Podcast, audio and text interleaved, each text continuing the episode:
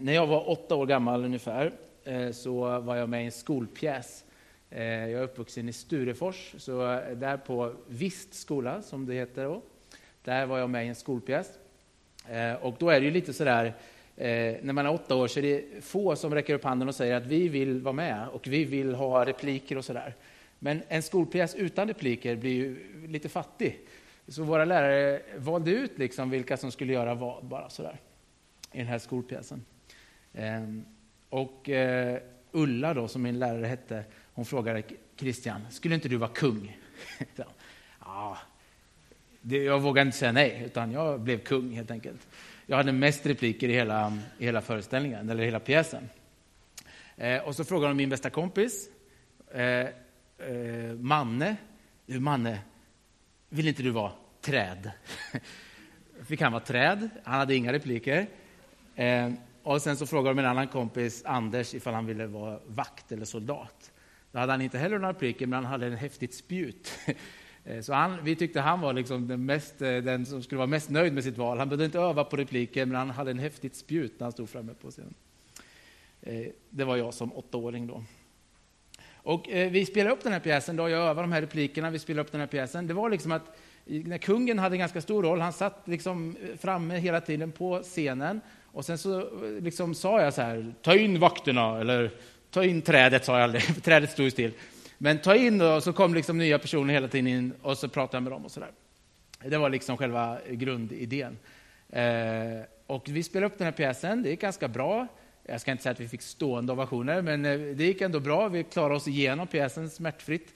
Eh, och sen skulle liksom den stora finalen, det var när vi skulle spela upp för föräldrarna. då. Eh, och då så gick vi, jag kommer ihåg det var i församlingshemmet där i, i eh, Sturefors, eh, en liksom mycket större scen och mycket större lokal än vi haft innan. Och alla var mycket mer nervösa, för det här var för alla föräldrar och släktingar. och så här. Det var säkert 150 personer där. Någonting. Så vi var extra nervösa allihopa.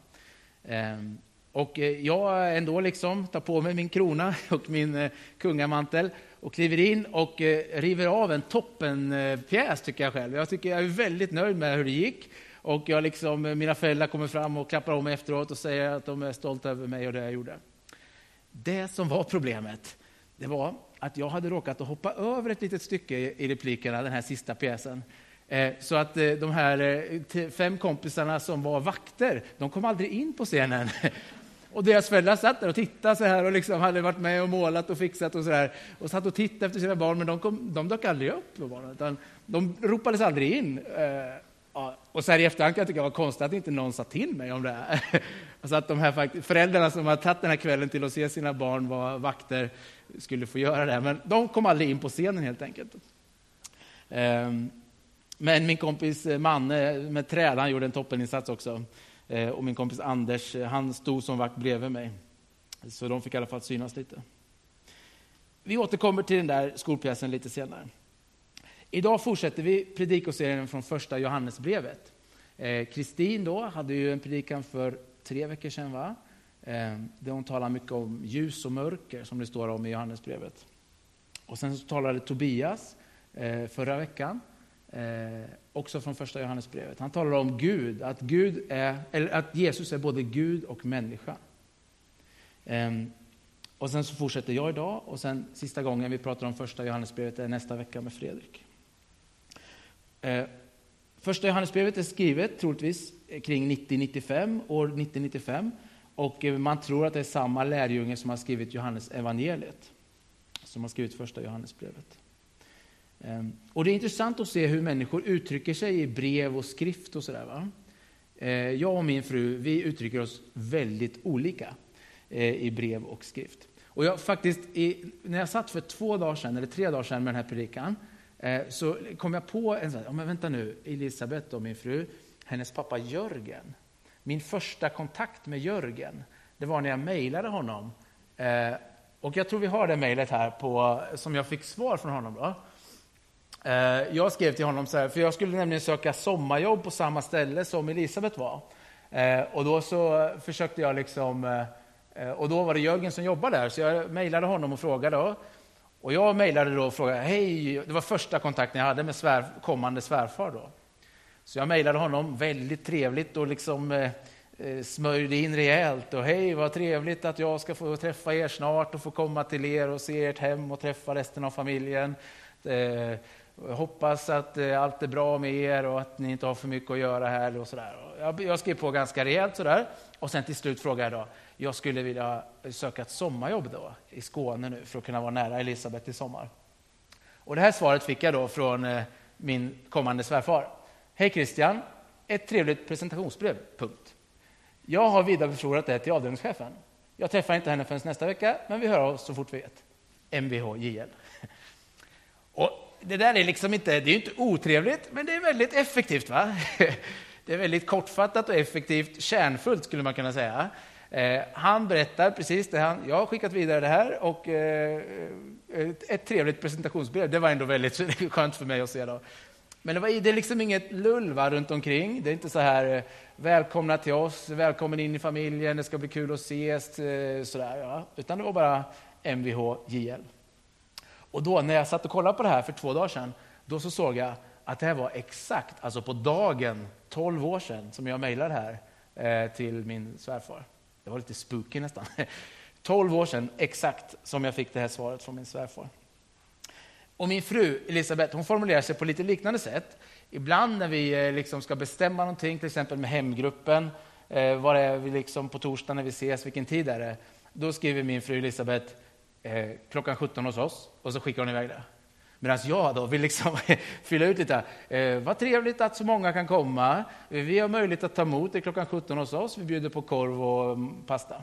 Så hade jag liksom fyllt ut det som hon skriver.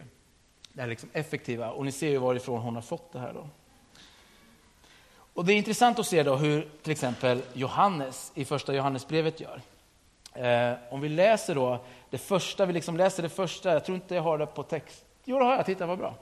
Ehm, vi läser de första verserna i första Johannesbrevet. Det som var till från begynnelsen, det vi har hört, det vi har sett med egna ögon, det vi har skådat och har tagit på med våra händer, det är vårt ärende, livets ord. Ja, livet blev synligt. Vi har sett det och vittnar om det och vi förkunnar för er det eviga livet som var hos Fadern och som blev synligt för oss. Det vi har sett och hört, det förkunnar vi för er för att också ni ska vara med i vår gemenskap som är en gemenskap med Fadern och hans son Jesus Kristus. Detta skriver vi för att vår glädje ska bli fullkomlig. Hyfsat rakt på sak från Johannes. Va? Det är inte det här, hej det här är Johannes, jag skriver det här för att eh, vi har trevligt väder här i Efesos, hoppas ni har det bra hos er, hoppas ni inte har för mycket att göra. Nej, Johannes går rakt på sak. Det som var till från begynnelsen, alltså då säger han liksom från första stunden i skapelsen, det har vi sett med våra egna ögon och det vittnar vi om. Och redan här så avslöjar han ju liksom, eh, anledningen till det här brevet. Att fler ska få vara med i gemenskapen, att vår glädje ska bli fullkomlig. Eh, på Bibelskolan uppe på Liljeholmen så pratar vi en del om vad man ska titta efter när man läser ett sånt här bibeltext. Eh, och en sak som man ska spana lite extra efter, det är om det är motsatser eller kontraster i en text. Och där är första Johannesbrevet ett smörgåsbord. Verkligen ett smörgåsbord. Ehm, och i 1.5 står det till exempel, detta är det budskap som vi har hört och förkunnat för er, att Gud är ljus och inget mörker finns i honom. Om vi säger att vi har gemenskap med honom men vandrar i mörkret, då ljuger vi och handlar inte efter sanningen. Bara det var ljus, mörker, lögn, sanning. Eh, Johannes fortsätter sen, han pratar om nya och gamla bud, om att älska Gud och inte älska världen. Han pratar om Kristus och antikrist, han pratar om evigt liv och evig död. Han pratar om kärlek och hat, kärlek och rädsla, sann och falsk undervisning. Alltså det är hyfsat pang på. Va? Det är inte så svenskt. Det är inga halvmesyrer. Det är inte det här liksom eh, bädda in någonting i en mjuk, fluffig eh, eh, retorik, utan det är rakt på sak. Och det är skarpa kontraster mellan att gå i Guds ljus eller att inte göra det. En annan sak som vi pratar om på Bibelskolan, som man ska titta efter, det är upprepningar i en bibeltext.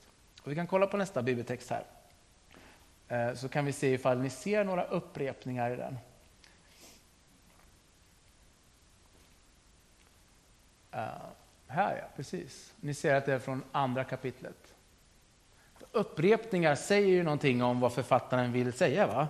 Om man upprepar någonting ofta så är det ju någonting viktigt.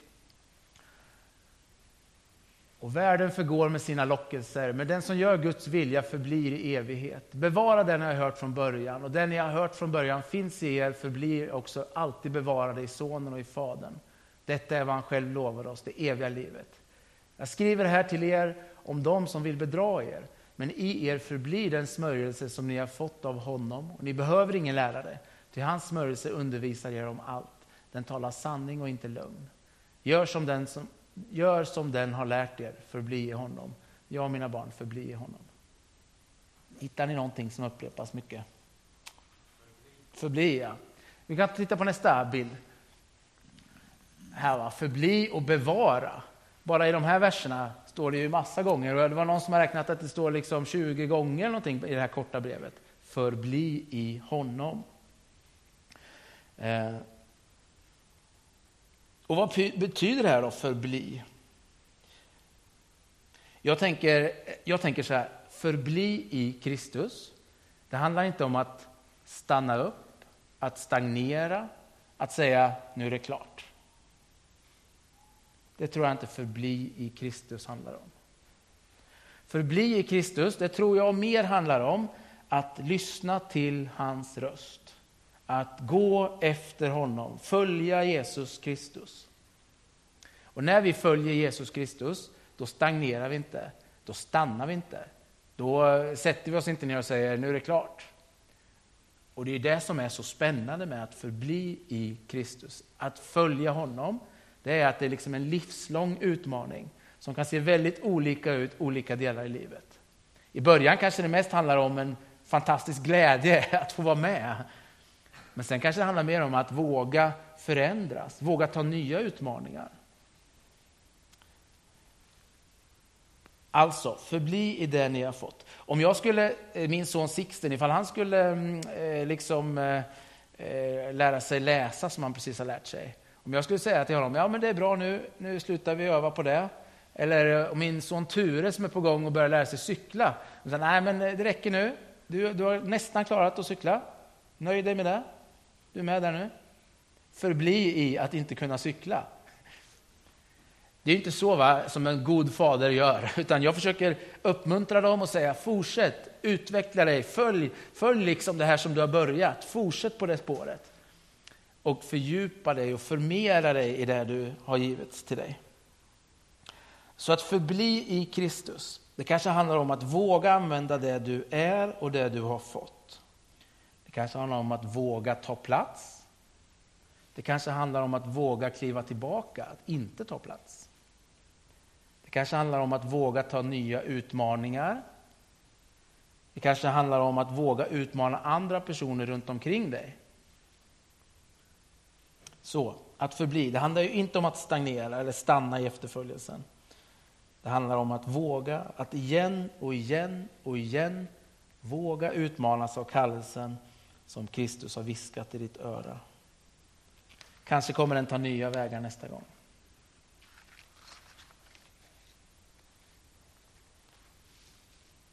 Vi kan titta på nästa text. Så förbli i Kristus, våga följa Kristus, våga ta nya utmaningar. Nästa text har jag hämtat från lite olika bitar i 3 och 4, kapitel 3 och 4. Och ni kan titta där, läsa igenom det där tyst för er själva och så kan ni eh, fundera på om det finns några upprepningar här då, i de här två kapitlen. Eller jag kan avslöja att det gör det. Och er utmaning är kanske att hitta dem då.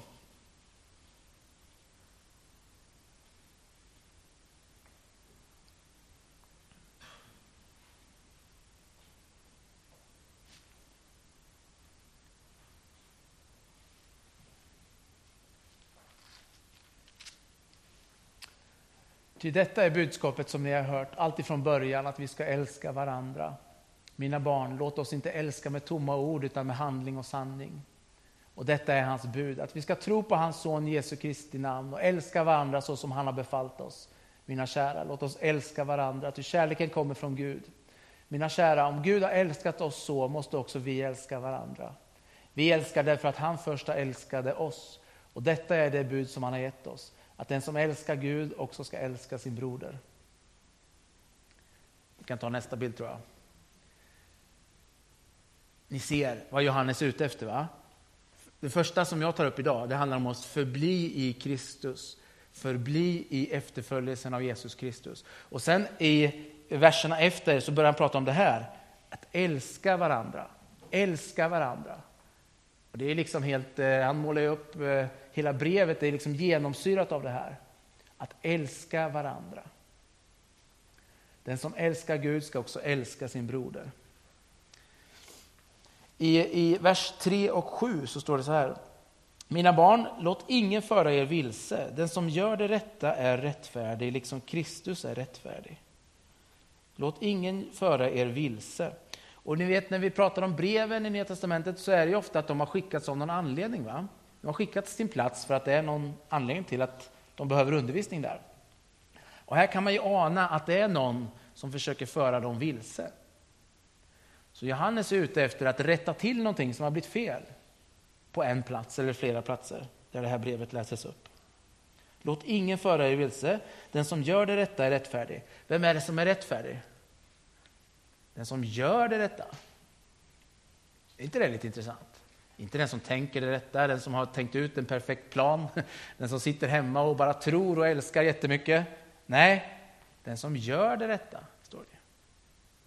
Det är lite jobbigt nästan. Det hade ju varit skönare om det hade kunnat vara att man, den som tänker rätt är rättfärdig. Den som lutar sig tillbaka hemma i soffan och bara älskar alla runt omkring en. Den är verkligen rättfärdig. Så säger ju inte Johannes. Typiskt. Och sen säger han då i 3.18, några verser senare säger han så här. Mina barn, låt oss inte älska med tomma ord utan med handling och sanning. Låt oss inte älska med tomma ord. Och då är det ju som att Johannes säger det va, till den här församlingen för att det är någon där som säger att man kan tänka rätt men man behöver inte göra rätt. Ungefär så. Va? Och så säger Johannes, nej, nej, nej, nej, nej, det är någon som försöker föra er vilse. Det handlar om att göra det rätta. Låt oss inte älska med tomma ord, det är ju jättelätt att göra. Älska med tomma ord. Men Johannes säger att vi ska älska med handling och sanning. Och hur gör man det då? Älskar med handling och sanning. Jag har ju redan räknat bort någonting. va? Det handlar inte om att tänka rätt, först och främst. Det handlar inte om att sitta still och eh, luta sig tillbaka och säga att jag älskar verkligen människorna i Brokyrkan. Eller jag älskar verkligen människorna i Rimforsa. Eller det jag är. Nej, jag tänker ju att älska någonting, det är någonting som man aktivt gör. Va? Det är jättesvårt att passivt älska någon. Visst är det? Men jag skulle älska min fru Elisabeth passivt, skulle inte vara så kul, tror jag. Det skulle inte bli så mycket av det. Liksom. Nej, utan jag tror att det är en aktiv handling att älska någon. Eh, om jag älskar någon så kommer det få konsekvenser för hur jag behandlar den personen. Om jag säger att jag ska vara en del av Brokyrkan så vill jag älska människorna i Brokyrkan. Och då vill jag göra det aktivt, i handling och sanning. Och hur gör man det? Ett sätt skulle kunna vara att man samlar in pengar till en familj som behöver resa hem för att träffa sin sjuka far. Till exempel. Det är ju att älska i handling och sanning. Ett sätt att älska i handling och sanning kan vara att eh, samla in pengar och skicka till människor som behöver det. Det är ett jättetydligt sätt att göra det. Ett sätt att handla, att älska i handling och sanning kan ju vara att eh, sätta sig vid den här personen och prata med den för man vet att den behöver det. Fast kanske ingen annan gör det. Det tar emot lite va? Det är inte passivt, utan det är aktivt. Ett sätt kan vara att eh, engagera sig för någonting, eh, låt säga eh, miljö eller någonting sånt. Att ta av sin tid, ta av sina pengar, av sitt engagemang, av sin energi. Den här personen som skrev det här mejlet till mig, Jörgen, min svärfar. Eh, efter några år efter det där mejlet så blev han sjuk och han dog här för ett år sedan. Han hade en sjukdom som hette atypisk Parkinson. Parkinson tror jag många av er känner till. Och atypisk Parkinson, Den är väldigt aggressiv och, och dålig och innebär att man tappar liksom funktion efter funktion i kroppen kan man säga. Eh, och det märkliga med den sjukdomen det är att allting är liksom så att säga bra i kroppen. Hjärnan är bra, musklerna är bra, hjärtat är bra, lungorna är bra. Men kopplingen mellan de här olika funkar inte. Om vi tänker att församlingen är som Kristi kropp. Och så tänker vi att eh, huvudet är bra, hjärtat är bra, lungan är bra, så får ni bestämma vilka ni vill vara själva. Levern är bra, fingrarna är bra, fötterna är bra, lårbenet är bra. Men om inte det har koppling till varann, då händer ju ingenting. Va? Ifall eh, jag får ett sår på min hand så ska väl min andra hand ta hand om det och mina ögon ska se det och mitt huvud ska tänka vad jag ska göra med det. Men om inte kopplingen däremellan funkar, då kommer det bara fortsätta blöda det där såret. Och det var det som hände med min svärfar då, att de här kopplingarna slutade funka. Så han visste allting, han var helt klar i huvudet, men han kunde inte mm, ta maten till munnen. Liksom. Det kan vara en bild av en dysfunktionell kropp. En församling som inte fungerar. Där kroppens delar inte känner varandra, där kroppen inte känner om en annan del far illa. Så den här delen lever på som att det inte var någon fara där borta. Och det är inte den bilden som Johannes eller, eller till exempel Paulus i Nya Testamentet målar upp av Kristi kropp. Man kan ju också se på det som en skolpjäs som havererar. Där huvudrollsinnehavaren glömmer bort sina repliker och inte ropar in de här på scenen, de som ska komma in på scenen.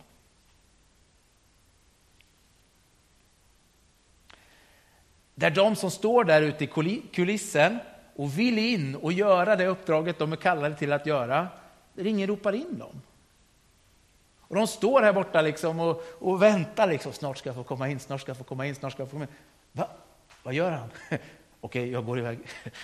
Och så får de inte vara med i den stora skolpjäsen. De får inte vara med med de gåvor som de har, de ville visa upp och med den kärlek de ville sprida. Man skulle kunna se det som det, en skolpjäs som havererar. Och jag ska inte predika så mycket längre nu, utan jag ska bara säga så här. Vem är du i den här skolpjäsen då? Och vem är jag? Och vem är du i den här kroppen? Är du precis att du är på gång in liksom? Ja, men då var välkommen in i den här gemenskapen där vi kallar det till att älska varandra i handling och sanning. Välkommen in. Är du en som har varit med i den här kroppen länge, som kanske har stagnerat lite? Du har tänkt att jag förblir i Kristus, men det gör att jag liksom lutar mig lite längre bak. Eller det kanske är så att någon har sagt till dig, du ska vara ett träd. Du ska vara ett träd. Det kanske är någon har sagt det till dig för 30 år sedan. Du är ett träd, det är du jättebra på. Men inom dig liksom bubblar det och du vill, nej jag vill inte vara ett träd. Jag vill, jag vill vara någonting annat, jag tror Gud har gett mig något mer. Eller kanske för 30 år sedan var det jättebra, ett perfekt träd var jag då. Men jag vill göra någonting mer. Då är det en utmaning till dig här idag. Att våga ta den utmaningen, att våga gå vidare. Det är bara du som vet vad det skulle innebära. Eller är du den där eh, som står i kulissen och väntar på att bli inropad och har väntat kanske länge? Har du väntat i eh, en timme? Har du väntat i en vecka? Har du väntat i tio år på att någon ska ropa på dig och säga nu är det din tur. Nu är det din tur. Nu ska du få göra din del i Kristi kropp. Ja, då är det en utmaning till dig att våga ta den platsen. Och kanske våga liksom titta fram lite tydligt så den här personen som står här i vägen och inte ser dig, att han ser dig. Våga göra det. Eller är du den här kungen som står där i mitten och pratar och pratar och pratar och kanske eh, glömmer ropa in resten av kroppen och säga vi gör det här tillsammans. Kanske är du den personen som tar lite för mycket plats men glömmer att ropa in de andra. Jag känner mig ibland träffad av det själv.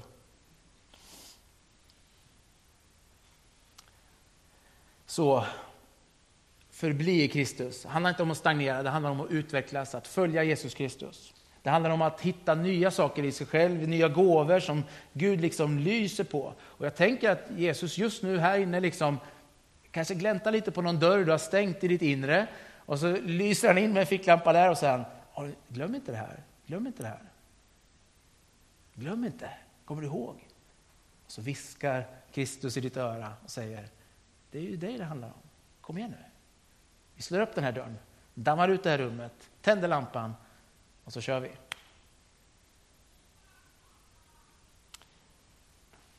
Ska vi be tillsammans? Tack Jesus Kristus att vi är kallade in i den här världen för att visa vem du är. Herre, vi vill vara en fungerande kropp som gör det. Vi vill att alla våra gåvor ska komma till uttryck för det. Eh, och precis som Johannes skriver i första verserna så vill vi göra det för att glädjen ska bli fullkomlig och vi vill göra det för att fler ska komma in i gemenskapen. Jesus Kristus, tack att du kallar oss till det. Jag ber dig för mitt liv, jag ber dig för mina vänners liv här inne. Ifall man känner att man har varit ett, eh, ett träd som inte har kommit loss sista delen, och man känner att ingen har ropat in den, man har bara stått i kulissen och väntat, och man känner att man har stått eh, och tagit mycket plats, så ber vi för var och en av oss att vi nu ska eh, liksom hitta nya utmaningar. Att vi ska få gå vidare med efterföljelsen till dig, Herre. Hjälp oss att göra det var och en. Jesus Kristus, jag ber att du ska tala just nu här inne till oss som känner att eh, det finns dörrar som är stängda, det finns eh, rum som eh, vi har stängt, det finns lampor vi har släckt, platser som har dammat igen i vårt inre. Jag ber att du ska öppna fönstren och vädra ut där, att du ska tända lampan, att du ska komma in med din ande och liksom liva upp den gåvan som du har planterat i, i oss. Här. Det ber jag Jesus Kristus. Och för, för oss som eh, inte har kommit så långt i vandringen, för oss som kanske inte ens har börjat vandringen, så ber vi att du ska liksom fylla på med din doft. Din heliga Ande ska eh, liksom tända lampan för nästa steg, i kanske första steget i vandringen med dig Jesus. Det ber vi i ditt namn, Jesus Kristus. Amen.